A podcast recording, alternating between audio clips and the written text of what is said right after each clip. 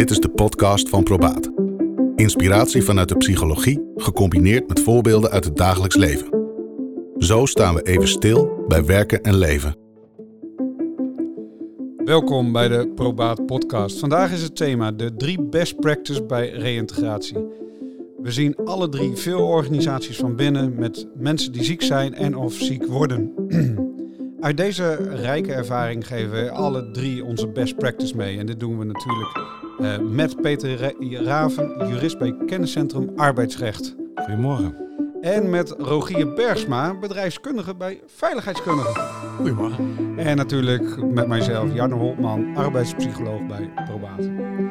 Na deze podcast heb je van allerlei goede inzichten van best practice. En weet je nog beter wat je wel en juist wat je niet moet doen bij reïntegratie.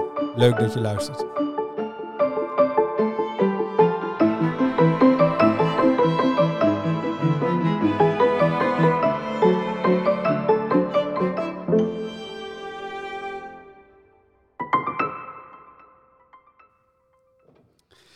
Oké, we gaan uh, uh, drie best practice bij langs. Die zal ik elke keer uh, inleiden. En vervolgens worden ze verrijkt door Peter en Rogier. we hebben er drie en ik ga ze even op de kop bij langs. stem af is één. Nummer twee is pak aan. En drie is geef duidelijkheid. En we starten met stem af. Sommige mensen moeten bij de hand genomen worden. En, dan hebben we het met name in ziek zijn. Anderen hebben juist veel meer ruimte nodig. Behandel ze dus dan ook zo. En stem af met wat degene nodig heeft. Laatst begeleid ik iemand die, die veel expertise heeft in mensen begeleiden bij verzuim. Dus die deed niks anders dan mensen daarbij begeleiden. En deze persoon zat nu zelf in een heel heftig live event. Ze was uitgevallen, probeerde op haar eigen manier weer structuur te krijgen in leven, maar ook in werken. En terwijl ze dat probeerde, ging de leidinggevende tegen haar zeggen van... nee, veel te vroeg, je mag nog niet aan het werk, is niet realistisch. En ze werd naar een arbeidsdeskundige gestuurd... en die vertelde haar exact wat ze wel en niet moest doen. En dit frustreerde haar. Zelfs zo dat ze ervan wakker lag. Waarom wordt er niet naar mij geluisterd? Waarom word ik niet serieus genomen? vertelde ze. Personen die gemotiveerd zijn en expertise hebben, moet je volgens mij ook echt de ruimte geven. Personen die verzuipen in ruimte moeten juist duidelijkheid en frequentie en strakke begeleiding krijgen. Dus doel, sluit aan bij de persoon uh, en kijk naar wat hij of zij nodig heeft. Heel eenvoudig. Alleen het, wat ik zag en wat ik vaker zie, is de complexiteit zit bij meer de blauwere mensen en de blauwere organisaties, hè, dus die procedures proberen te volgen, dan vergeten we vaak af te stemmen. Dus best practice nummer één, stem af. Mannen, wat is jullie ervaring? Nou, misschien is het goed om eerst toch het volgende op te merken. Um, eens wat je zegt, hè, stem af. Tegelijkertijd vind ik dat ook afhankelijk van feiten en omstandigheden.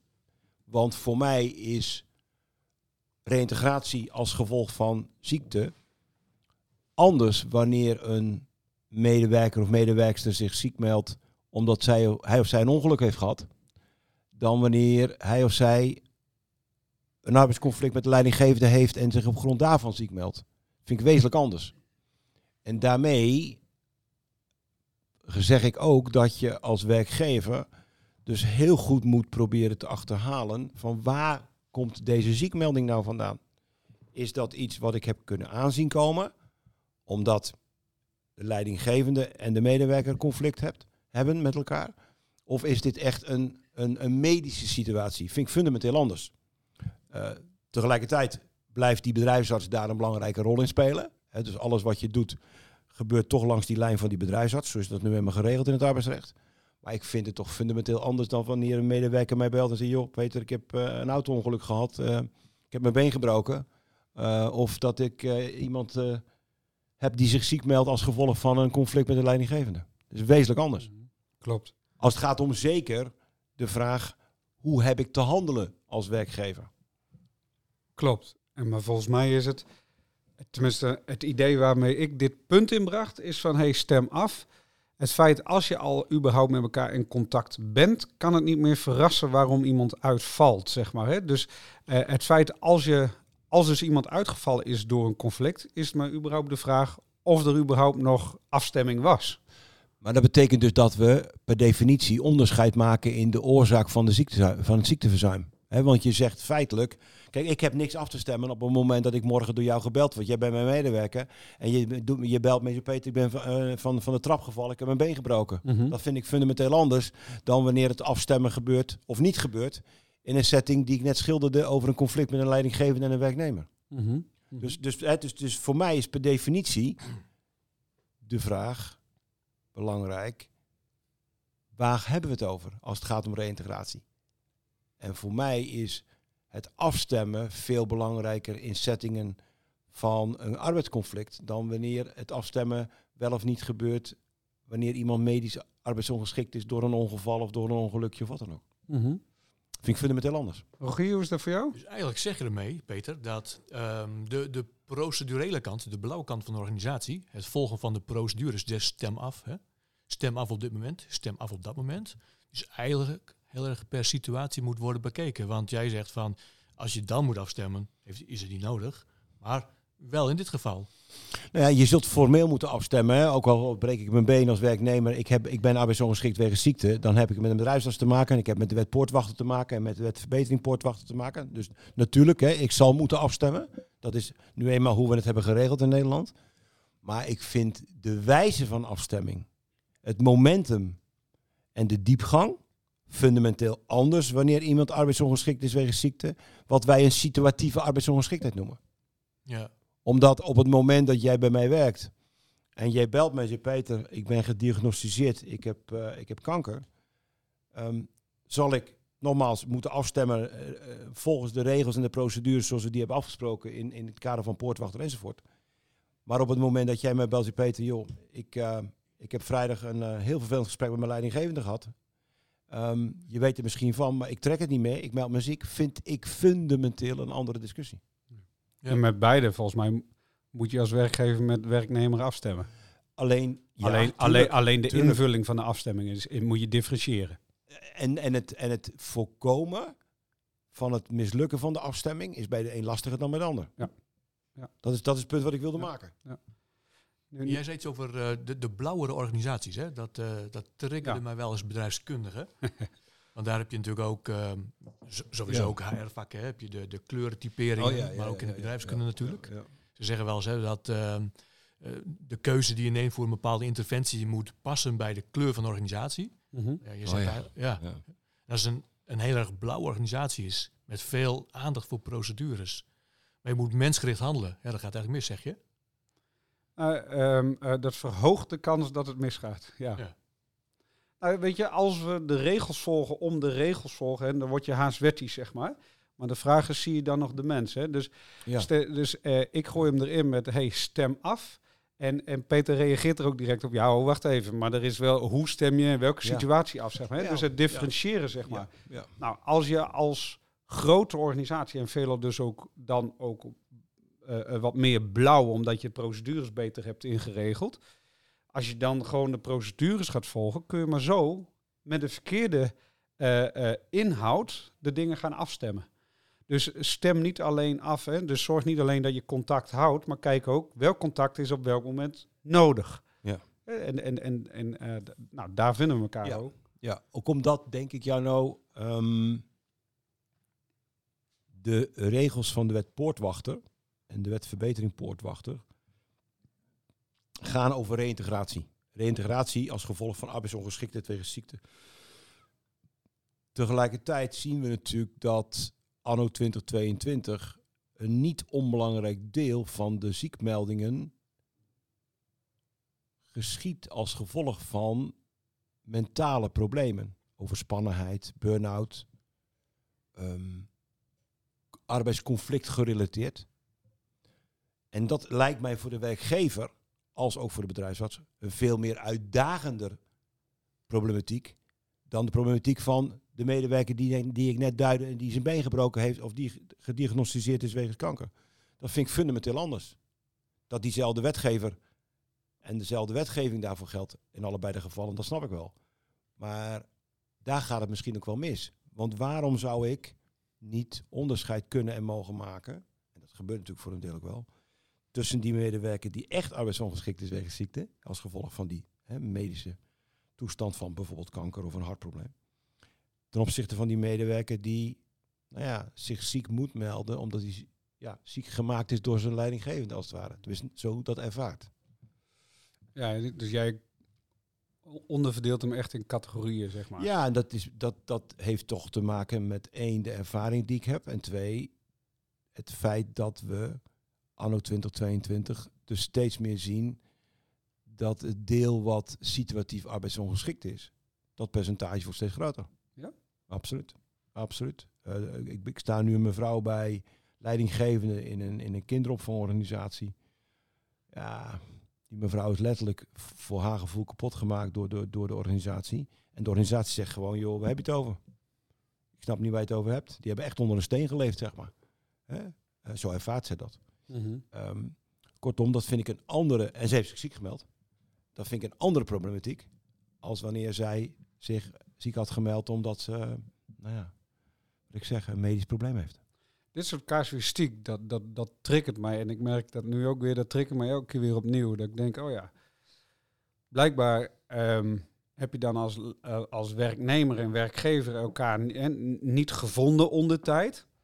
Uh, en um, uh, de werknemer voelt zich zo onbegrepen, zo ongehoord, ja. dat eigenlijk het laatste redmiddel is, ik meld me ziek. Ja. En de werkgever, nou in dit geval, hè, die, die, die heeft blijkbaar de signalen niet meegekregen of onvoldoende goed ja. ingeschat. En die zit eigenlijk nu ook met de handen op de rug, want die weet ook niet wat er moet gebeuren, zeg maar. Hè? Want die, die, ja, nu is iemand ziek gemeld waarvan eigenlijk iedereen wel weet, die is niet ziek, maar het is onwerkbaar. Hè? Dat is eigenlijk wat je zegt. Zeker. Um, uh, en in deze situatie zijn er eigenlijk alleen maar verliezers.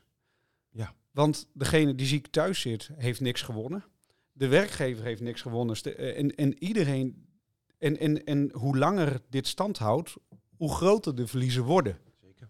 Nou, dus ik, ik merk dat ik daar zeg maar altijd wel zoeken in ben. Ik denk, op welke manier dan ook, uiteindelijk moet je weer met elkaar in gesprek, zeg maar. Uh, uh, al was het voor een VSO. Um, uh, dus, dus het afstemmen, als je dat niet aan de voorkant goed genoeg doet, heb je aan de achterkant heel veel werk. Ja, zeker omdat in het voorbeeld wat ik zojuist duidde, um, het als goed is als volgt gaat verlopen. Deze mevrouw heeft zich de vorige week ziek gemeld. Heeft straks, ik dacht morgen of woensdag, een gesprek met de bedrijfsarts. Zal tijdens dat gesprek melden waarom ze zich ziek gemeld heeft. Nou, er is een arbeidsconflict. Dan kan de bedrijfsarts in beginsel niet anders dan op grond van de stekkerrichtlijn tegen haar zeggen, joh, afkoelingsperiode, één of twee weken. U bent formeel arbeidsgeschikt, maar even niet beschikbaar voor de arbeid. En ik bepleit dat er een gesprek komt. Dan wel onder leiding van de mediator, dan wel onderling. Um, en de reactie van de werkgever die ik uh, dit weekend binnenkreeg, was er een van, joh, we hebben het over, we werken nergens aan mee en ze komt maar gewoon weer werken. En, en dan denk ik, ja maar ho, um, het, het gaat gebeuren zoals ik denk dat het gaat gebeuren. Namelijk, er komt een gesprek precies wat jij ook zegt. Terwijl deze werkgever denkt van, nou ja, als ze straks zich weer beter meldt, uh, of ze, ze zal zich beter moeten melden, dan komt ze maar weer gewoon werken. Ja.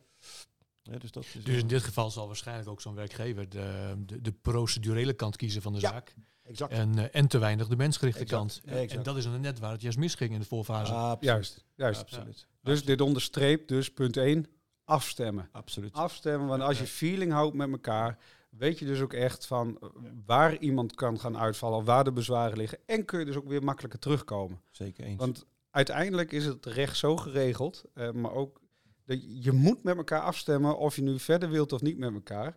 Je hebt de afstemming nodig. Um, en, en, en, en, ja, het klinkt een beetje eenvoudig, maar het is het eigenlijk ook.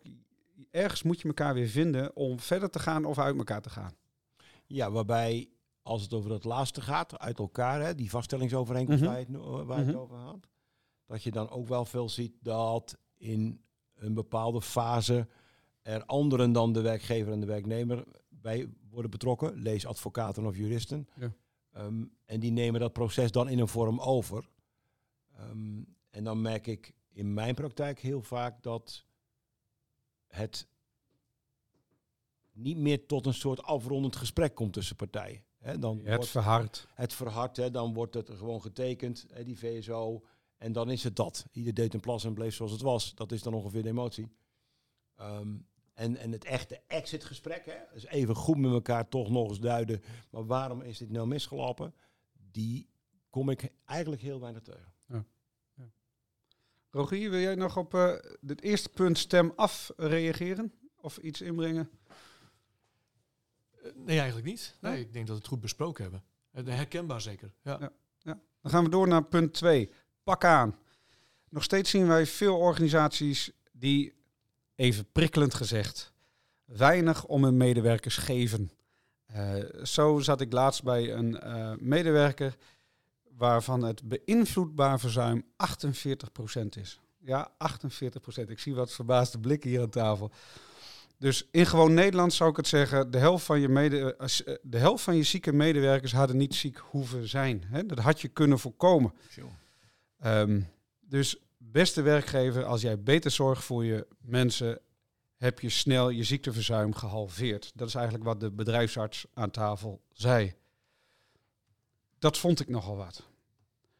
Eh, en wat, wat, wat is dan hè, beïnvloedbaar verzuim? Het meeste verzuim is mentaal verzuim. Hè? Dus de, de, de psychosociale arbeidsbelasting. Nou, daar hebben we een aantal podcasts eh, over opgenomen. Ehm, maar, maar, maar wat zien we dan bij de meeste opdrachtgevers die zo'n hoog ziekteverzuim hebben, of in elk geval een hoog beïnvloedbaar eh, eh, verzuim hebben, is dat ze niet direct contact hebben gelegd. Iemand gewoon ziek, eerst gewoon ziek laten zijn, het laten gebeuren. Ehm, en dan op een gegeven moment na een paar maanden of misschien een jaar dan het echte contact gaan leggen. En dan is de persoon al zover ziek geworden. We hebben inmiddels een hulplijn erbij, dus Ja, dat eh, ja. maakt het eh, fijn. Eh, maar Ik spreek met de bedrijfsarts. ik spreek met bedrijfsarts. Ik wil even reageren op deze podcast. Ja, Eh, ehm, eh, dus als dit echt een bedrijfsarts is, dan nemen we hem even op en dan betrekken we hem bij het gesprek. Maar ehm, we gaan eerst verder. Dus pak aan. Hè? Dus leg direct contact als iemand ziek wordt. Houd contact. En de belangrijkste vraag gaat misschien wel voortdurend over. Wat heeft deze persoon nodig en wat heb jij nodig als leidinggevende of werkgever? Pak aan. En daarin ook dus eh, eh, eh, de ziekmelding, maar niet alleen de ziekmelding, maar juist de persoon. Nou, laten we allereerst nog maar weer eens met elkaar afspreken dat dat aanpakken is in beginsel natuurlijk gereguleerd door de wetgeving. De wet poortwachter, wet verbetering poortwachter geven aan hoe je moet aanpakken.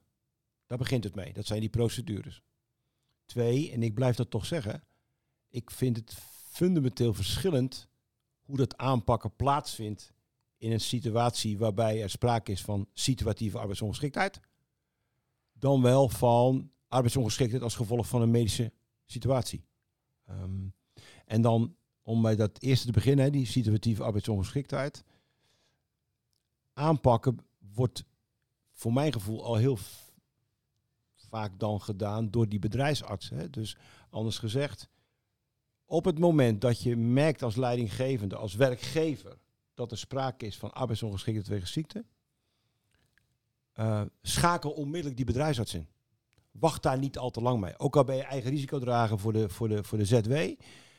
ehm, schakel snel die bedrijfsarts in. Want je bent geen medicus als werkgever. Tenminste, de meeste zijn het niet in ieder geval.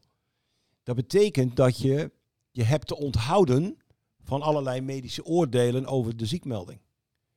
Ehm, en dat vind ik dus ook een vorm van aanpakken.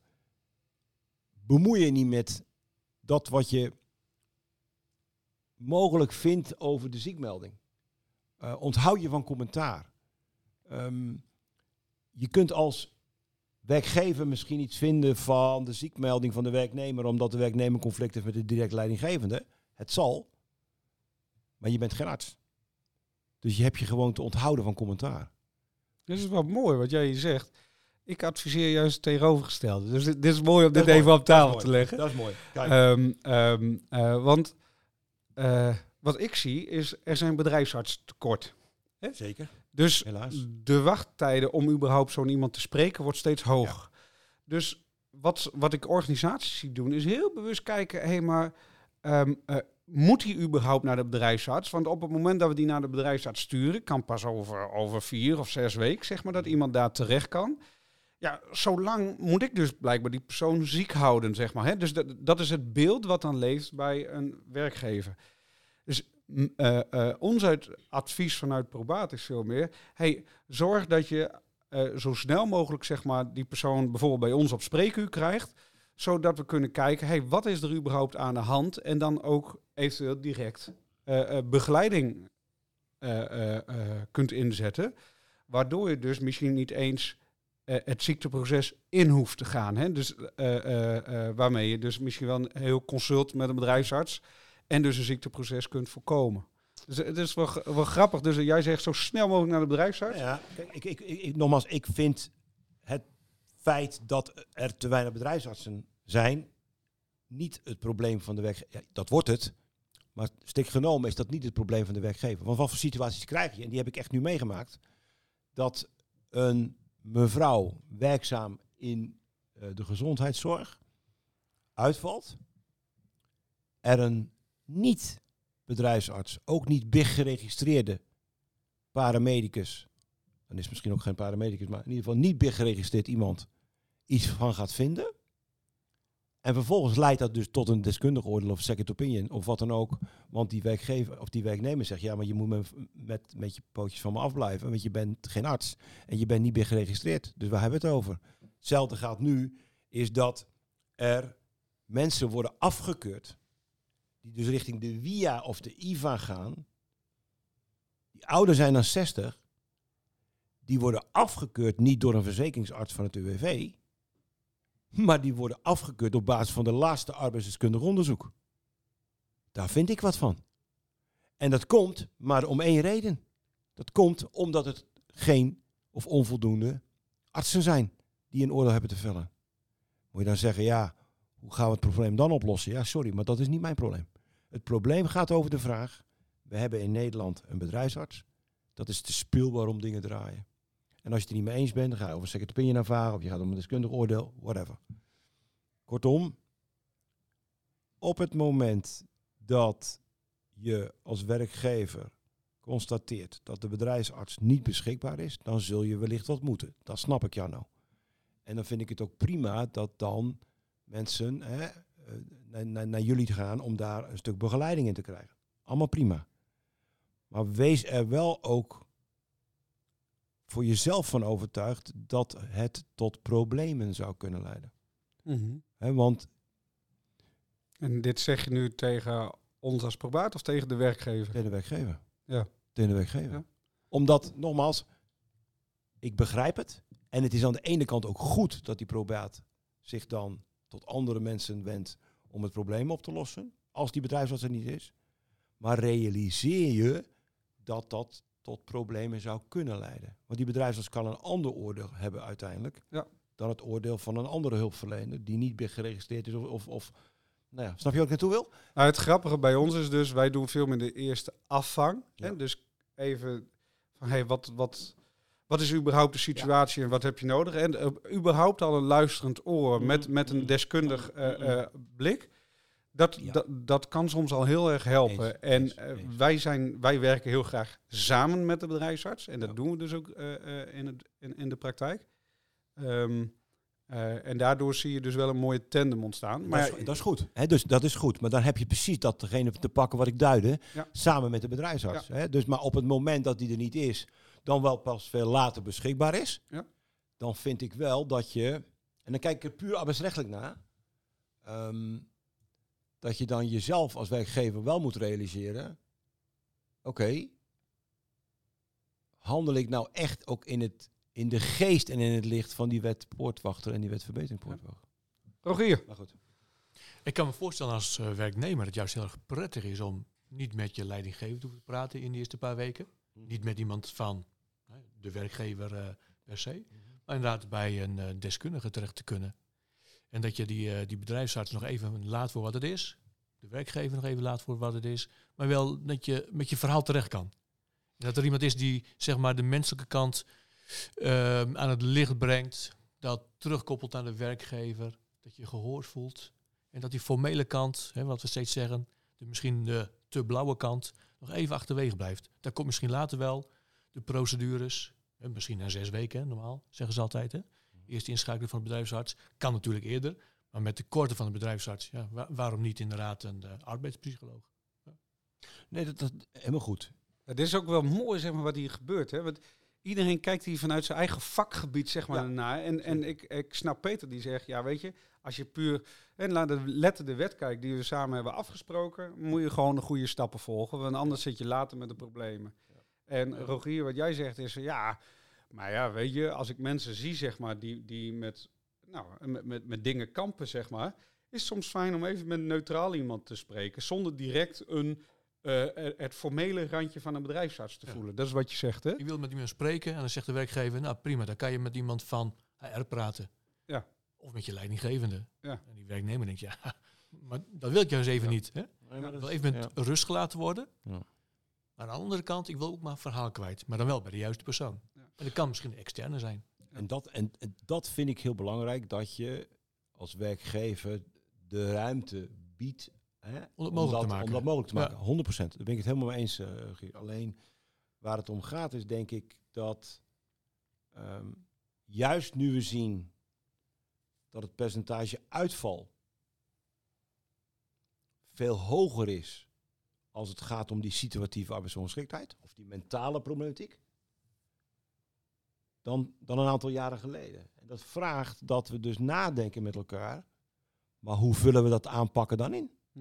Want nogmaals, het feit dat er dus al vanuit het UWV wordt gehandeld als, als dat er wordt gedaan als het gaat om het keuren van mensen, geeft aan dat we er voorlopig nog niet zijn. Oftewel, die arbeidsproblematiek rond het tekort aan bedrijfsartsen, tekort aan keuringsartsen, verzekeringsartsen, dat zal nog wel even blijven. En de vraag is dan, hoe lossen we dat in de tussentijd op? En dit is gewoon een noodgreep in mijn beleving. Dat er inderdaad niet artsen... ehm Tuurlijk, er ligt een arbeidsdeskundig onderzoek. Dat is dan de basis van de, voor, de, de afkeuring. Maar ja, Ja, maar die hoeven het nog niet eens te leren. Dus wij zitten echt in preventieve settingen. Dus iemand meldt zich ziek of dreigt zich ziek te melden. En dan worden wij vaak gebeld, zeg maar, om überhaupt een gesprek. Wat is er aan de hand? Nou, ik heb hiermee of daarmee of zus mee. Oh, dan is er misschien dit nodig of dat nodig. je, je, benoemt nu precies de fase waarvan ik denk dat dat heel essentieel is. Namelijk die dreigt zich ziek te melden. Juist. Ik denk dat met name... ehm, de, de, de, wat, ik, wat ik dan even wil zeggen, de probaat van deze wereld... juist in die fase van het, het dreigen ziek te melden... een hele belangrijke rol speelt. Omdat, wat je ook zei Rogier... men dan ook de beschikbaarheid heeft van iemand buiten de organisatie om mee te praten. Want hoe je het ook bent of verkeerd, hè, die HR, meneer of mevrouw, wordt toch gezien of geacht te zijn op, niet objectief en aan de zijde van de werkgever te staan. Terwijl, En dus een dossier, het gevoel van dossier Ja. invullen. ja, Ja, en procedures. Juist. Dus- en dus Ja. procedures, ja, Ja. Absoluut. En je zei het even hè, van, eh, heb nog geen oordeel over de ziekmelding. Nee. En toen zat ik zo te denken, toen je dat zei van, ah, misschien moet je wel een oordeel hebben. Niet zozeer over de ziekmelding op zich, maar over van, waar komt het dan vandaan? Hè? Wat kan die organisatie dan eigenlijk doen? Als je het toch over voorkomen hebt. Hè? Ehm, denk eens na over als werkgever van, ja goed, hoe kon dit dan gebeuren? Wat had ik zelf kunnen doen? Waarom Ja. is dit uit de hand gelopen? Ja. Nee, maar dat vind ik Heb dan wel Ja. een oordeel, hè? Mhm. Pak het ook zo aan, zodat je het kan voorkomen. Ja, eens. Hè. En ik denk dat ik het ook zo bedoelde dat wanneer, wat Jan ook zei, het dreigt tot een ziekmelding nou ja, te komen, omdat er een conflict is tussen de werknemer en de leidinggevende, ehm, het heel erg belangrijk kan zijn dat je juist als buitenstaander, niet zijnde iemand van HR wat ook, dan daar een actieve rol in kunt spelen, hè, zoals Probaat eh, dat kan doen.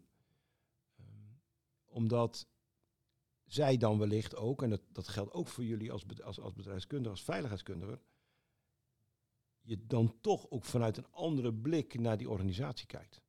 Ehm, we hebben natuurlijk in een eerdere podcast over de RIE gehad, hè, de risico-inventarisatie en evalua- eh, eh, evaluatie en de PSA als onderdeel daarvan. Daar ligt denk ik ook exact waar het hier over gaat. Namelijk dat je op basis van die RIE en die PSA je als werkgever realiseert waar de risico's liggen. En waar je dus zou kunnen voorkomen dat mensen uitvallen. Voor de mensen die deze die denken, waar hebben ze het over? We hebben een podcast over, opgenomen over de RI en E. Dus risico-inventarisatie en evaluatie. Ja. En dat is eh, en met name over de verdiepende varianten van PSA, psychosociale arbeidsbelasting. En daar, ehm, eh, dat is de grootste oorzaak in Nederland waarin mensen uitvallen. Ja. En daar eh, refereert Peter even aan en die kun je ook gewoon vinden op onze kanalen. Ja, omdat nogmaals, hè, ik denk dat ehm, aanpakken zal moeten plaatsvinden op een helder feitencomplex. Waar hebben we het over? Ja. Waardoor is deze situatie ontstaan? Waardoor hebben mensen zich ziek gemeld? En nogmaals, ziek melden als gevolg van een ongeval of een, of, of een, of een ernstige ziekte of aandoening. Dat vind ik fundamenteel een andere discussie dan de problematiek van uitval ter zake. ehm, ja, de situatie van dat moment. Rogier, dit eh, was punt 2 over pak aan. Heb jij nog iets wat je hiervoor wil inbrengen of gaan we door naar de derde? Nou ja, pak aan is inderdaad, ehm, ehm, kan zijn, hè? eh, neem snel actie. Ja. Niet alleen maar wachten op de bedrijfsarts, maar ook inderdaad eh, kijken naar andere eh, vormen van. Eh, en dan met name denk ik wat de werknemer nodig heeft. Niet zozeer vanuit de procedurele kant van, goh, we moeten eigenlijk die werk, we moeten de bedrijfsarts inschakelen. En dat moet eigenlijk nu. Ja. Maar kijk eens inderdaad van, wat heeft die werknemer nodig? Met, met wie zou je willen praten? Wat verlicht jou? Hè? Kan je iemand vinden in je omgeving? Maar dat kan iedereen zijn, hè? Van, waarbij nee, je het echte verhaal even kwijt kan. En faciliteer dat dan ook als werkgever. Hè? Want Ja. dat is, Maak het mogelijk. ja, Dat, is- dat is Ja. denk ik ook wat over gaat. Hè? Er- Waar, en, en Janno en ik, eh, eh, we hebben recent ook nog weer een masterclass reïntegratie gegeven. Toen, eh, toen ik met, met, met, met, met kantoor op de, op de, op de promotiedagen in, eh, in Groningen stond. Daar heb ik toen ook gezegd, de categorie werkgevers met een personeelsbestand tussen de 5 en de, en de 15, 20, 25, 30. Die categorie is groot qua aantallen. En, die, in die categorie is er in de regel geen HR-manager of een HR-medewerker te zien. Omdat het of niet betaalbaar is of omdat men dat niet wil. De baas doet het er zelf al bij. En dan gaat het heel vaak katsverkeerd. Juist ook in dit soort processen. Want die ondernemer die werkt mee. Dat is gewoon de werk, meewerkend voorman bij wijze van spreken. En dat is wel een latent risico. Mooi, Rogier, wat jij zegt. Het zou mijn tip dus ook zijn. Ik denk dat een van de belangrijkste vragen die je in een ziek, ziekteproces kunt stellen is van, hey, wat heb je nodig? Vaak kunnen mensen dat niet verwoorden. Eh, eh, maar hey, welke, en dat noemen ze dan in, de- in, de, eh, nou, in onze taal, zeg maar, hulpbronnen. Hè? Dus welke mensen of welke eh, expertise denk je dat je nodig hebt? En daar kunnen ze meestal niet direct antwoord op geven, omdat veel van ons weten niet wat we nodig hebben. Dat geeft niks, daar komen we er gewoon volgende keer even op terug. Ja. Eh, en, en laat ook zien wat jij als organisatie hebt aan hulpbronnen. En dus eh, bedrijfsmaatschappelijk werk, eh, eh, arbeidspsycholoog, therapeuten, coaches, weet ik wat. Ehm, eh, eh, loopbaanbegeleiders. Dit is wat we hebben. Kies er maar uit. Maar als je wat anders nodig hebt, bijvoorbeeld traumaverwerking, of- dan, dan, dan kopen we dat ook in. Dus stel de vraag, wat heb je nodig? Maar geef ook aan als werkgever, dit heb ik nodig. Ik denk dat veel werkgevers zich niet realiseren dat een werknemer graag met iemand een derde praat. Zeg maar even een onafhankelijke. Ja. De werkgever denkt van, Ja. nee, maar ik heb toch een, eh, een specialist in huis, Ja. een HR-medewerker, kan er prima mee praten. Ja. Alleen al de zweem van, hè, ehm, hij wordt betaald, hij of zij wordt betaald door de werkgever. Ja, je laat dan toch niet het achterste van je tong zien. En ik denk dan dat het eigenlijke kern van het verhaal van de werknemer dan toch niet boven water komt. Je Je wil gewoon niet alles delen met een, zeg maar, een medewerker van de werkgever. Ik denk dat je er absoluut gelijk hebt. En daarom zijn ook hè, jullie als derden van groot belang dat die beschikbaar zijn om dat proces, in dat proces een rol te spelen. Of dat nou aan de voorkant is, hè, in het kader van RIN en PSA, of in het kader van de arbeidspsychologie, eh, waar we het over spraken bij Probaat. Het is wel van belang dat die beschikbaar is voor een werkgever. Juist ook in die categorie die ik zojuist duidde, tussen de 5 en nou ja, 25, 30, 35 man personeel. Hey, we hebben het gehad over stem af. En we hebben het gehad over pakken aan. Ja. En de derde is geef duidelijkheid. En ehm, dus duidelijkheid geven geeft overzicht. Hè? Dus wat is nu het proces? Wat komt er op je af? Wanneer moet je wat doen? Eh, ehm, eh, wanneer heb je wat nodig? Eh, ik moest denken aan de, aan de drie woorden hoop doet leven, zeg maar. Hè? Dus als je mensen die komen in beweging als ze weten, oh ja, maar weet je, uiteindelijk word ik weer beter. Uiteindelijk kom ik, mag ik weer meedoen aan het werk, zeg maar. Eh, en welke stappen zijn daar dan voor nodig? En hoe beter ik zie hoe een werkgever dat kan eh, eh, uitschetsen en kan aansluiten bij de medewerker, hoe, ehm, ja, hoe meer ontspannen het ook wordt voor een medewerker. Rogier, welke ervaring heb jij daarbij? Ik denk dat het natuurlijk van belang is dat als je ehm, een duidelijk beeld schetst ehm, richting elkaar, dat natuurlijk voor altijd beter is in een situatie waarbij je eigenlijk nooit eerder eh, terechtgekomen bent. Want je zit in een nieuwe situatie voor jezelf. Je bent uitgevallen, langdurig uitgevallen. Wat is dan, hè, wat, wat gaat er gebeuren? Waar loop ik tegenaan? Wat voor fase moeten we rekening mee houden? Eh, wat, wat gebeurt er na 104 weken bijvoorbeeld? Eh, lang niet iedereen weet dat. En het is natuurlijk voor belang om gewoon nou ja, eh, tijdig elkaar te informeren van waar kan je tegenaan lopen. Dat is nog even de procedurele kant. Maar goed, dat, dat geldt natuurlijk voor veel meer zaken. Eh, werkhervatting bijvoorbeeld. Eh, wanneer kan ik naar de bedrijfsarts? Of kan ik iemand anders inschakelen? Een arbeidspsycholoog of een, een therapeut? Is dat mogelijk? En wat, wat gebeurt er eigenlijk dan? Duidelijkheid Nou, geven. Dat vind ik wel een hele aardige, omdat dat mij triggert op het volgende.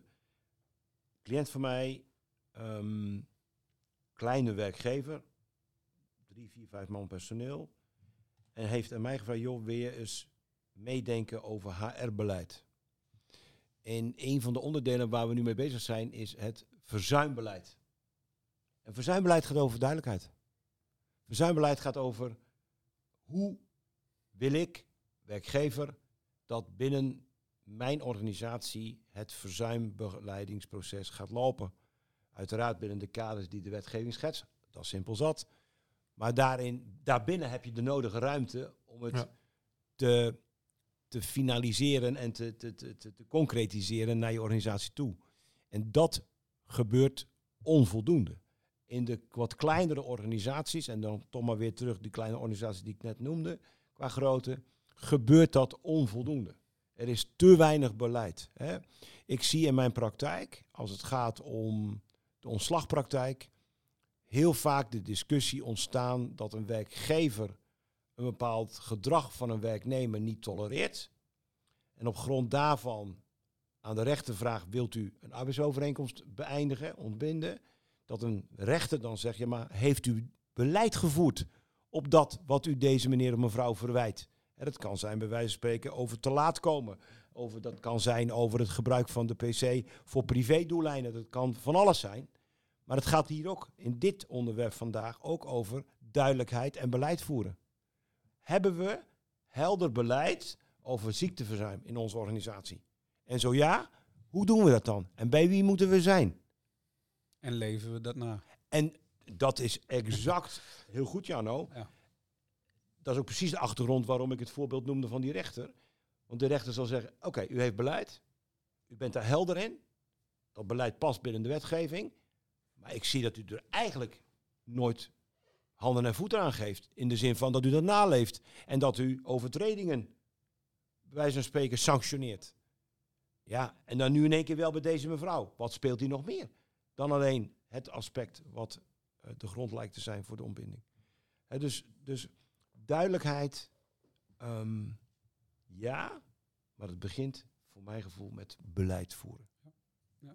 Nou, en, en die bedoelde ik ook ergens, zeg maar, ook uitzetten. Je moet de processtappen uitzetten. Hè. Wat komt er dan? En, en dat kun je ook beleid noemen. Ehm, eh, want dat geeft ook gewoon grip. Ik merk dat als wij soms mensen hier aan tafel krijgen die ehm, eh, zo dieper inzitten dat ze eigenlijk van voren niet weten of ze achter nog bestaan, zeg maar. Ja. Ehm, door gewoon te zeggen, van, oh, wacht even, even ontspannen. Dit, dit is morgen niet over. Dit gaat gewoon een, een, een, een periode kosten, zeg maar. Hè? En mi- Misschien wel een paar maanden. Ontspan.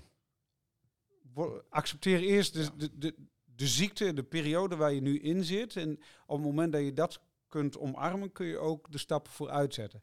Wij zien dat als we de mensen daarin iets van duidelijkheid geven, dat hoe sneller ze dat kunnen omarmen, hoe sneller we ook aan het beter worden eh, weer kunnen werken. Want eerst is even duidelijk, hey, waar ben ik überhaupt beland? Wat, wat, eh, sommigen die, die, die denken dat ze de volgende week alweer staan, zeg maar. Ehm, eh, terwijl het gewoon, sommige dingen hebben gewoon meer tijd nodig. En op het moment om, als je daar een proces aan koppelt, eh, komt er ook een, een bepaalde grip. Hè? Maar we hebben allemaal tegenslagen, krijgen we altijd weer met een bepaald proces te maken. Maar dan weet je wel, oh ja, maar die zijn ingecalculeerd. Uiteindelijk kom je daar wel weer uit. Dus hoe meer regie je erop kan hebben, ehm, eh, hoe fijner de deelnemers of de, de, de medewerkers dat ook vinden. We moeten ons niet vergissen in het feit dat in Nederland de economie wordt gevormd door het midden- en kleinbedrijf. En dan niet door het grote midden- en kleinbedrijf, maar door het kleinere en middelgrote MKB. En wat bedoel ik daarmee? Dat daar heel vaak ondernemers zitten, die vinden dit soort processen alleen maar lastig. Want die medewerker moet gewoon werken, daar wordt hij voor betaald. Meer niet lullen maar poetsen gedrag. En dan is het dus van belang, vind ik, dat je die werkgever aan de hand neemt en zegt, ja maar oké, helder, snap ik. Hè? Jij betaalt die meneer of mevrouw en er moet arbeid voor terugkomen. Dat snap ik allemaal. Maar by the way, we hebben het in Nederland nu wel zo geregeld dat dit en dit en dit wel vastgelegd moet zijn. En dit en dit natuurlijk wel van belang is dat je dat naleeft. Oftewel, het gaat ook over bewustwording. Dat die werkgever zich realiseert, zeker de wat kleinere werkgever zich realiseert. Ja, maar wacht even, ik heb ook een verantwoordelijkheid. Naast op tijd mijn salaris betalen en goed voor mijn mensen zijn. En het goed voor mijn mensen zijn gaat ook over duidelijkheid. Rogier, zie je ook nog verschil in welke fase qua duidelijkheid? Nou, ik zat even aan iets anders te denken over het verzuimbeleid, hè, wat eh, Peter heeft benoemde. Ehm, dat dat een ehm, goede basis is om vanuit eh, verder te gaan. Dat, dat moet er zijn, hè. Dat komt ook eh ter sprake bij nou ja, wat jij noemde, eh, voor de rechter soms. Maar ik zat zo te denken van, kijk, verzuimbeleid, daar kent natuurlijk van alles in regelen wanneer bijvoorbeeld iemand belt, hè. En wanneer je contact houdt met je werknemer. Maar zou het ook zo zijn, of wat zou de reden zijn, vraag ik bij Peter, maar ook wel bij Janne, van waarom zo'n middelkleine werkgever het toch zo moeilijk vindt om dat contact te houden. Is het de waan van de dag? Is het het niet leuk vinden om te bellen of contact te houden? Wat zou er nou in de grondslag liggen dat dat juist nou zo moeilijk eh, als moeilijk ervaren wordt om het verzuimbeleid na te leven? Nou, ik, ja, ik- naartoe Peter. Nee, nee, nee, ga je gang. ga je Ik denk dat het gewoon, het is geen onwil, maar gewoon onbewust. Die, die midden- en kleinbedrijf, die moeten gewoon keihard werken voor hun centen, zeg maar. Ja. En dan valt er iemand uit, dat is al erg genoeg. Dan leven ze daar mee, maar vervolgens gaat, ga- gaat de, en de, de klanten gaan wel allemaal door. Dus je moet meestal zelf harder werken om uiteindelijk dat voor elkaar te krijgen. Eh, en als iemand wat langer uitvalt, dan moet je misschien ook nog weer iemand er snel tussendoor regelen. Dus waardoor je dus met de waan van de dag gewoon enorm druk bent. En daarmee dus gewoon de ander, ja, hoe, hoe vervelend dat ook klinkt, gewoon vergeet. Omdat, eh, omdat die ander is ziek. En dat is eigenlijk zijn of haar probleem, maar dat is ook jouw probleem geworden. Ja. Eh, maar jij hebt nog een probleem erbij, want je moet wel leveren. Zo is het. Dus ik, ik zie daar met name eh, ehm, eh, gewoon het onvermogen, omdat je met weinig middelen veel moet realiseren. Exact. Ik denk dat je hier omschrijft wat de dagdagelijkse pijn van heel veel wat kleinere ondernemers, werkgevers is. Namelijk dat het feit dat die medewerker ziek is, onmiddellijk, maar dan onmiddellijk een groot aantal problemen met zich brengt. Allereerst leeft die, medewer- die werkgever, die ondernemer, zeker van harte mee met wat er die, die werknemer of werknemster is overkomen. 100%. Maar tegelijkertijd schieten een hele hoop andere dingen door zijn hoofd. Oké, kak, hoe ga ik dat oplossen? Want ik moet leveren, precies wat jij zegt, Janno. Dus zorg ervoor dat het niet zo ver komt. En nogmaals, dan heb ik het niet over het feit dat je gebeld wordt op maandagochtend. Dat er een situatie is, ja, heel concreet. Ehm, je zult maar in de familie een ernstig zieke hebben die overlijdt in het ziekenhuis, waardoor je je maandag ziek moet melden. Vind ik wezenlijk anders als het gaat om reïntegratie en dit thema, waar we het over hebben vanmorgen, dan wanneer je had aan kunnen zien komen als werkgever dat de contacten tussen de leidinggevende en de werkne en werknemster of werknemer niet goed lopen. Daar vind ik je veel meer Ik verantwoordelijk voor te houden. ik vind wel mooi wat je daar zegt. Want in principe, hè, dus als een eh, medewerker zeg maar, zich ziek meldt vanwege een ernstig zieke of, of overlijden in je familie, eigenlijk, volgens mij mag je je dan niet eens ziek melden, maar ga je in overleg van, hey, kan ik verlof, onbetaald of betaald verlof? Ik weet bijvoorbeeld van, van iemand uit mijn nabije omgeving, die heeft dat ook meegemaakt. Heeft de werkgever gewoon gezegd, weet je, neem lekker even twee weken betaald verlof.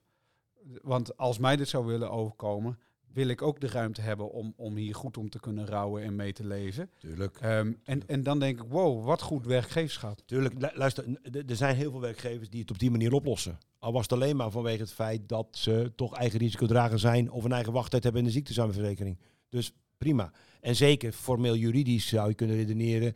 Je bent arbeidsgeschikt om de bedongen arbeid te verrichten, dus je kunt je niet ziek melden. Maar tevens kan ik me voorstellen dat het je zo aangrijpt dat je daardoor toch niet in staat bent om te werken. Hè? Dus Eens. Anders gezegd, met, het- met het voorbeeld wilde ik maar weer aangeven. Het gaat over beleid voeren. Het gaat over duidelijkheid scheppen. Het gaat ook over dat je je realiseert als werkgever dat de ene ziekmelding wezenlijk anders kan zijn dan de andere ziekmelding. Oké, mannen, we gaan afronden. Eh, we hebben het even, de kapstok was eh, de drie best pra- practice. Eén, stem af. Twee, pak aan. En drie, geef duidelijkheid. Zijn er nog punten waarvan jullie zeggen, hey, die wil ik even kort eraf. Is er, is er één punt waarvan je zegt, hey, die pak ik er even uit, want die vond ik mooi om te horen. Of tijdens ons gesprek heb ik daar ander zicht op gekregen. Of heb je nog iets waarvan je zegt, hey, maar die heb ik niet gehoord en die wil ik nog wel inbrengen. Dat kan natuurlijk ook. Nee, ik denk dat we heel veel van de punten die ik langs de drie best practice wilde bespreken al wel heb benoemd. En samengevat, ehm, wees duidelijk, maak beleid en hou je eraan.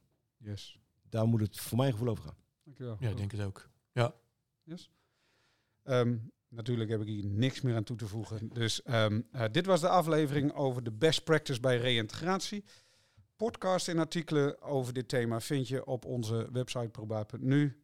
Wil je nu meer over deze podcast horen? Abonneer je dan op ons kanaal. Dat kan op alle grote podcastkanalen zo, zoals eh, iTunes en Spotify. Ehm, bedankt voor het luisteren en tot een volgende keer. Yes. Dit was de Probaat Podcast. U kunt ons vinden op www.probaat.nu. En de volgende vindt u ook hier.